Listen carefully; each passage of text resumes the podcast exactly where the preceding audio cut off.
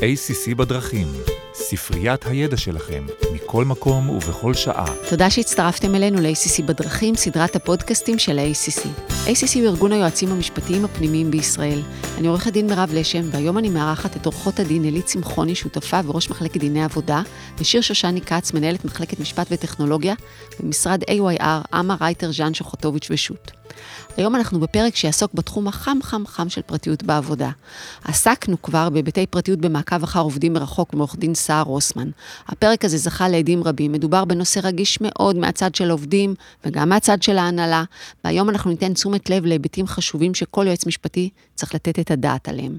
ניטור מיילים, טלפון נייד, מיקום של עובדים, וכמובן, כדרכנו ניתן כלים פרקטיים ליועץ המשפטי שנמצא בתווך בין העובדים וההנהלה. אז שלום אלית, שיר. שלום. היי, כיף להיות כאן. לפני שנתחיל disclaimer קצר, הפודקאסט מיועד להעשיר את הידע הכללי שלכם, כל מה שנאמר בפודקאסט הוא בוודאי לא ייעוץ משפטי ולא מחליף כזה. אז עכשיו נתחיל ישר לעניין. אני צודקת שנושא הפרטיות במקום העבודה הוא אחד הנושאים המעניינים והבוערים בכל מקום עבודה? צודקת לחלוטין, זה נושא מאוד רגיש, הוא תמיד היה, אבל פעם נושא הפרטיות התמקד בעיקר בסוגיות של מצלמות במקום העבודה, וזה היה גם רק במקומות עבודה מאוד מסוימים.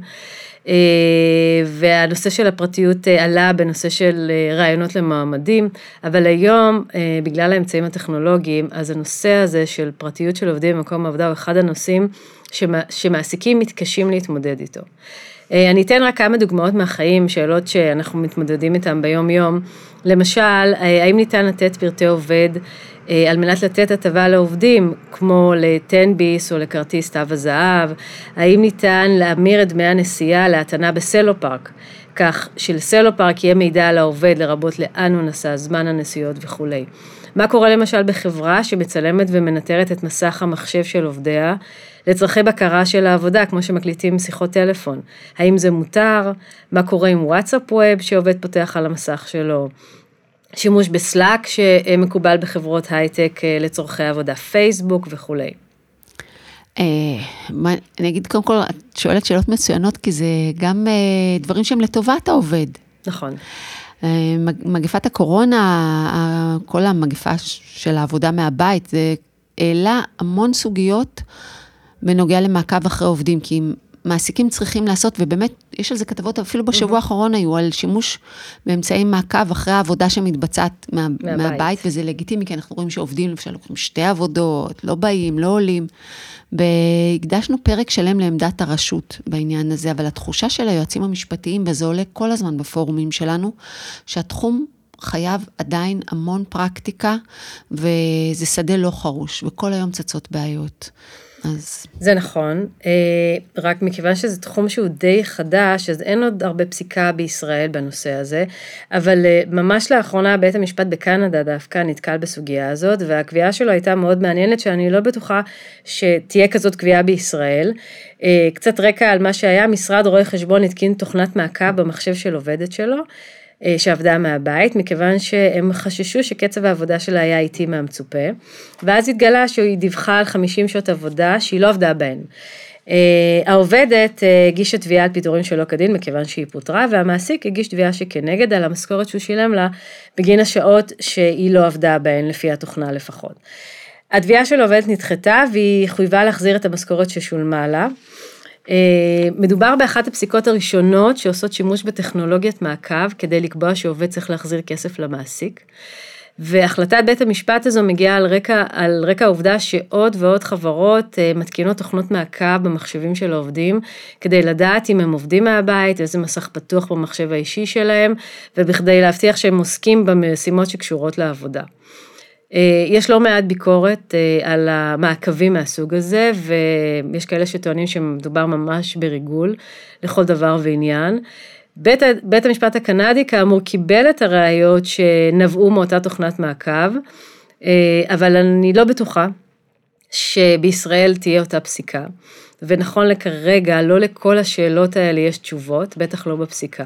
ולרוב מה שאנחנו נדרשים זה להפעיל גם את השכל הישר, בהתאם לפסיקה שאנחנו מכירים מבית הדין לעבודה, בהתאם לדעתם של השופטים, שלעיתים גם נשמעת בדיונים מחוץ לפרוטוקול, או בכנסים שאנחנו משתתפים בהם, ואנחנו, גם אנחנו, יחד עם היועצים המשפטיים, נדרשים להחליט מה נכון לעשות בנסיבות העניין, לאור הפסיקה שאנחנו מכירים אותה.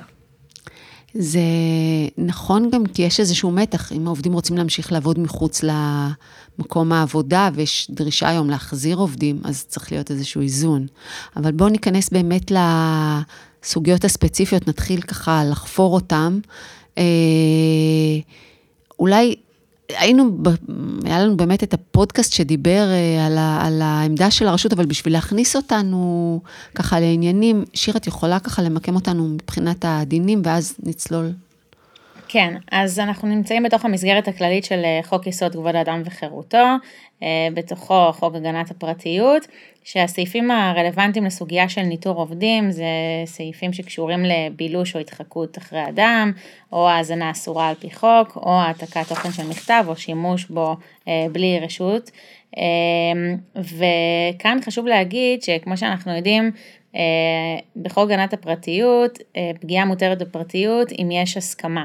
אבל אה, ביחסי העסקה, הסכמה היא לא אה, מלכת הפרטיות, אה, כי הסכמה היא דבר הרבה יותר מורכב, ובגלל זה כדאי ונכון להישען על עוגנים נוספים מלבד הסכמה של עקרונות הגנת הפרטיות, כמו מידתיות ושקיפות וצמידות מטרה. ואולי באמת נתחיל עם השאלה הכי בוערת, מתי מעסיק יכול להסתכל בתיבת המיילים? אז רגע לפני שאני אתייחס לנושא של תיבות הדואר, חשוב להגיד שפרטיות היא סוגיה שפוגשת את המעסיק ב, ב, ב, על כל רצף הזמן, כלומר, גם בשלב הגיוס של מועמדים, גם במהלך העסקה וגם בסיום העסקה. בגיוס אנחנו אה, נתקלים בשאלות מה מותר ומה אסור לשאול מועמדים לעבודה ואיזה פרטי מידע אפשר לקבל עליהם.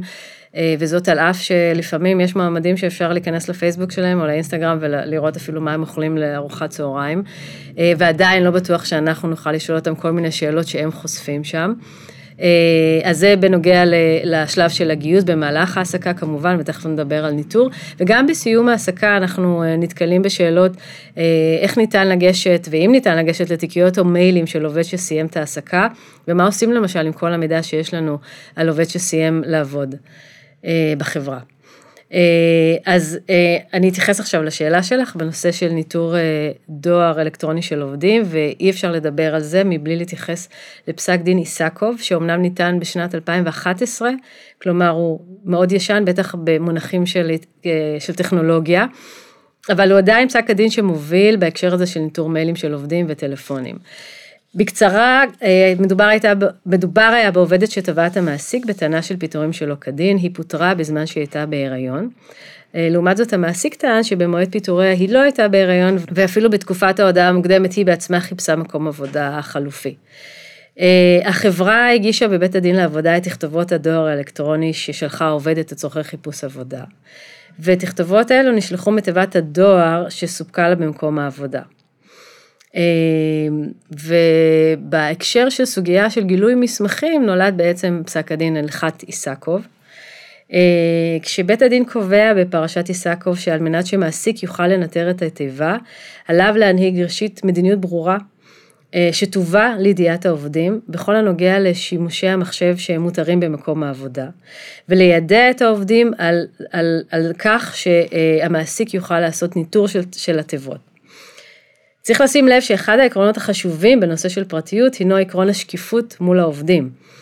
אה, ואת קביעת המדיניות, אומר בית הדין, יש לעשות בהתאם לחובות תום לב, נאמנות והגינות שביחסי העבודה, אה, ולאור עקרונות של שקיפות, מידתיות ולגיטימיות המעקב, ובעצם הנוסחה הזו שבית הדין, הנוסחה הכללית, אפשר לקחת וליישם היום בכל מקרה שאנחנו נדרשים לנטר, או שאנחנו שואלים את עצמנו אם אנחנו יכולים לנטר.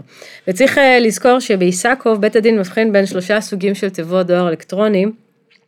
אחת זה תיבה מקצועית שבה היא מיועדת רק לצורכי עבודה והיא אסורה לשימושו האישי של העובד. ובתיבה הזו בית הדין אומר המעסיק רשאי לקיים פעולות ניטור אבל בכפוף לעקרונות שדיברתי עליהם קודם ו, אה, ובראש ובראשונה היידוע של העובד שיש אפשרות לעשות את זה.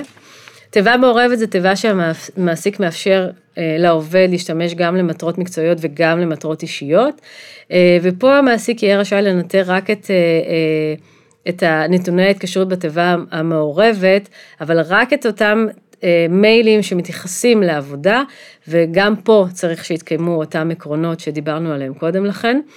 אה, ובתיבה אישית אה, למעסיק בעצם אין אפשרות לנטר את ההודעות של, ה... את ההתכתבויות של העובד. את מדברת על הסכמה פרטנית לפני כל עיון בתיבה?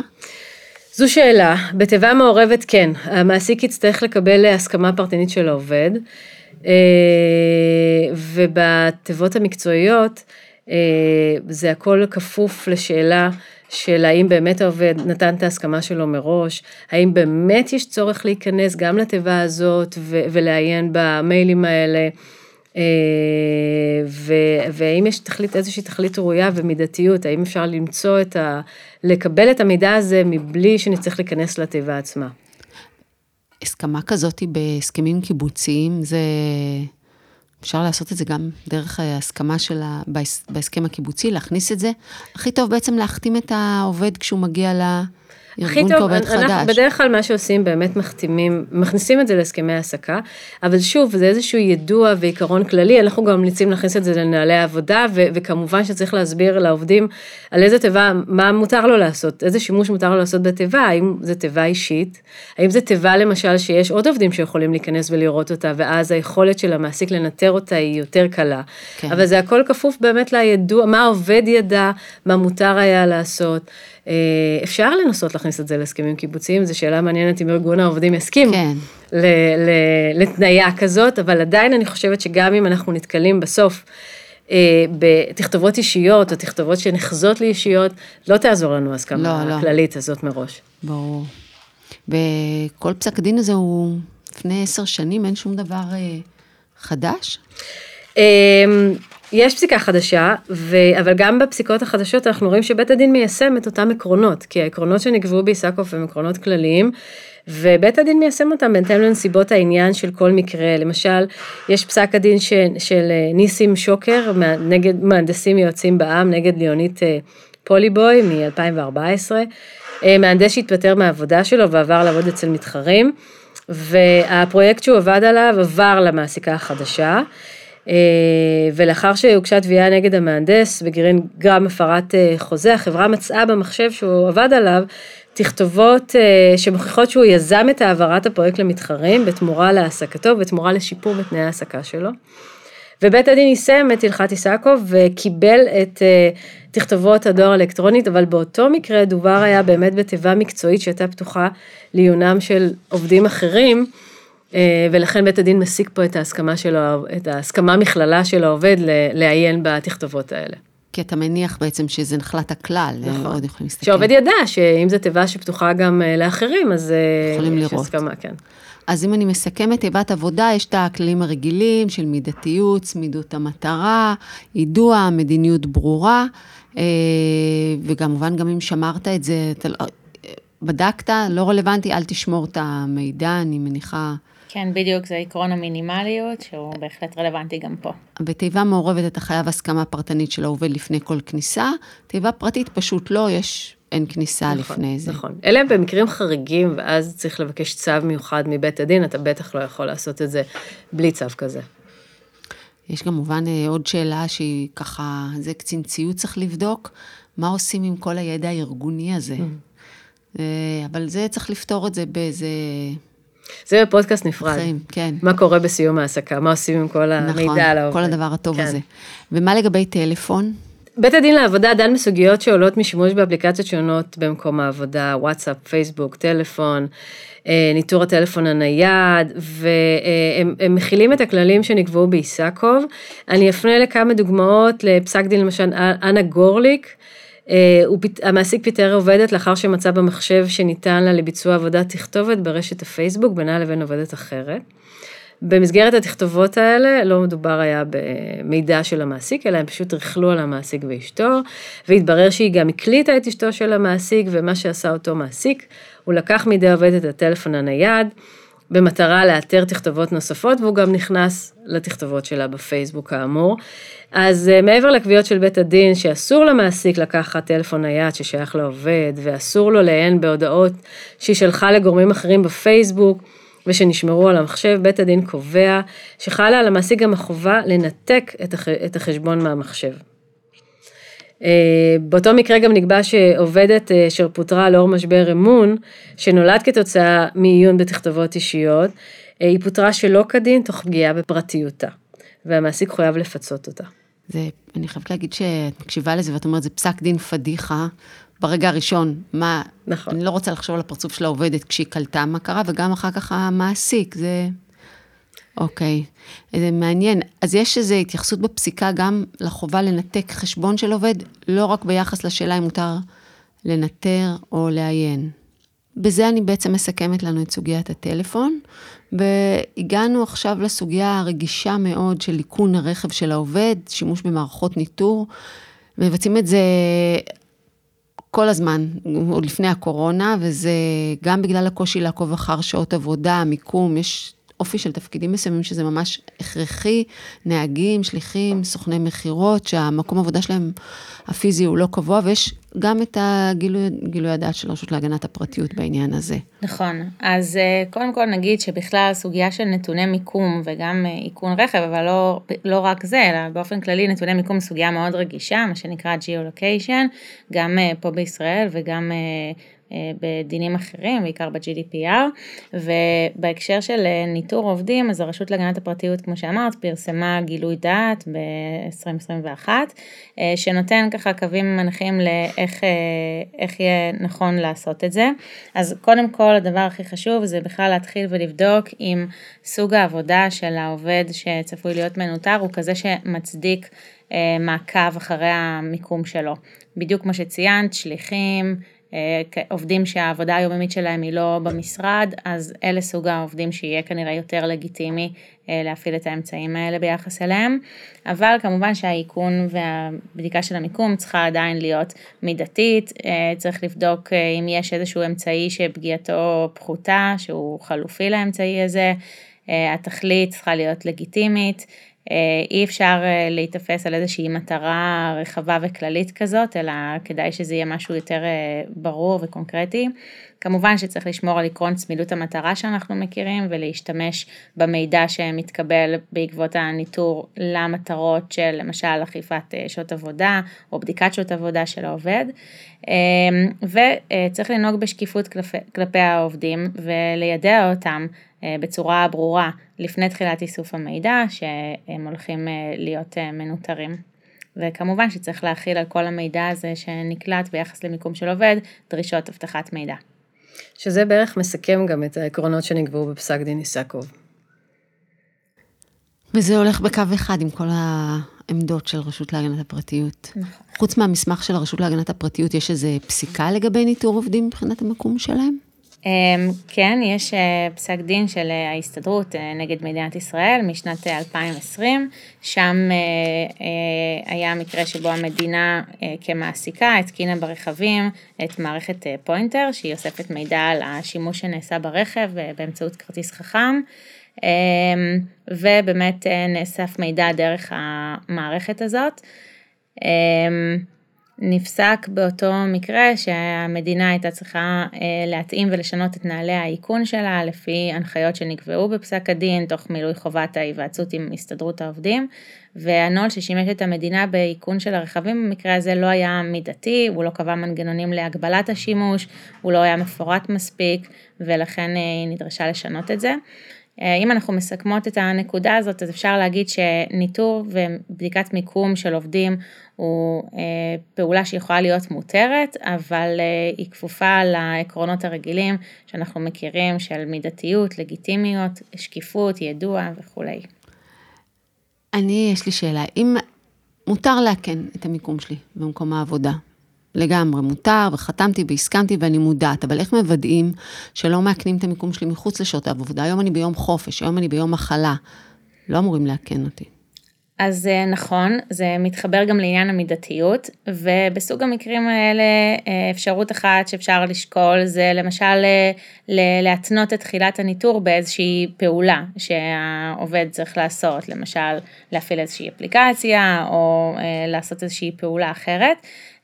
ועוד אפשרות זה אולי לסנכרן את הכלי שאוסף את המיקום מהרכב עם איזשהו עם איזושהי מערכת שמתחברת לדיווח נוכחות ואז אה, לוודא שזה פועל באותן שעות, אבל אה, כמובן שאם מדובר בעובד שעובד בשעות הרגילות שאנחנו מכירים, אז מצב שבו הניטור מכוון לשעות הסטנדרטיות ורגילות הוא בכל מקרה עדיף מאשר אה, מצב של ניטור בלתי פוסק או לשעות שהן חריגות יחסית לשעות עבודה מקובלות. הכוונה היא לשעון ביומטרי? אה, שעון ביומטרי זו אחת האפשרויות אה, של בדיקת אה, נוכחות. גם פה הרשות להגנת הפרטיות התייחסה לסוגיה הזאת ויש גם פסיקה בנושא. פסק דין הסתדרות העובדים החדשה נגד עיריית קלנסווה שאתם מכירים, עסק במקרה של חובת נוכחות ביומטרית והופעלו בו הכלים שעלית הזכירה קודם. בסופו של דבר אה, נקבע בפסק הדין שהמעסיק צריך לקבוע מדיניות ברורה בנושא והיא צריכה להיות גלויה ומידתית. אה, ולא הוצגו באותו מקרה לעובדות החינוך שדובר עליהן שם אה, פרטים לפני הדרישה הזאת למסור טביעת אצבע ולכן זה לא היה תקין ובית הדין הורה לעיריית קלנסווה לחדול מהפעולה הזאת ולמחוק גם את טביעות האצבע שנאספו עד מועד מתן פסק הדין. ואני כן יכולה להגיד שגם רשות הגנת הפרטיות אה, התייחסה לעניין הזה אה, כבר לפני אה, כמה שנים ואמרה שמבחינתה העדיפות היא לנוכחות שלא באמצעות שעון ביומטרי אלא הדרך המועדפת היא שעון נוכחות. ש... רגיל, קלאסי. באמצעות כן. כרטיס, כן. האמת שכן, זה מתקשר שוב לעקרון המידתיות. נכון, וזה גם מתקשר מאוד, אם אנחנו זוכרים מלימודי תואר ראשון אה, ומשפט חוקתי, שאחד המבחנים של מידתיות זה אמצעי שפגיעתו פחותה. אז אם יש אמצעי חלופי שפגיעתו פחותה, הוא עדיף, ובמקרה הזה הרשות אה, אומרת שכרטיס נוכחות היא אמצעי שפגיעתו בפרטיות אה, פחותה משעון ביומטרי, ולכן הוא עדיף. אז הגענו לשלב החיבוקים והנשיקות והבטחה לפגישה נוספת בפרק חדש בעתיד, אבל לפני זה צרור ריצות מסכם לדרך. אז, uh, אז צריך לזכור שעדיין במקום העבודה יש גבול מאוד מאוד ברור וצריך לכבד את הפרטיות של העובדים שלנו, על אף שהטכנולוגיה מאפשרת לנו לדעת כמעט הכל עליהם. חשוב מאוד אה, לעשות נהלי עבודה בעניין הזה, לרשום בהסכמי העסקה בדיוק איזה תיבת דואר אה, העובד מקבל, או טלפון נייד, או כל דבר אחר, אם יש לו ניטור ברכב. חשוב מאוד לידע את העובדים גם בכתב, כלומר בהסכמי העסקה, בנהלי העבודה, להגדיר בדיוק את המותר והאסור. ו, ולדעת גם שצריך אה, אה, לפעול בהתאם לעקרון ההסכמה של העובדים, וההסכמה צריכה להיות כמה שיותר חופשית של העובד, עד כמה שניתן בנסיבות של מקום עבודה. אה, ותמיד לזכור גם שצריך לפעול בהתאם לעקרונות הכלליים של תום לב, מידתיות.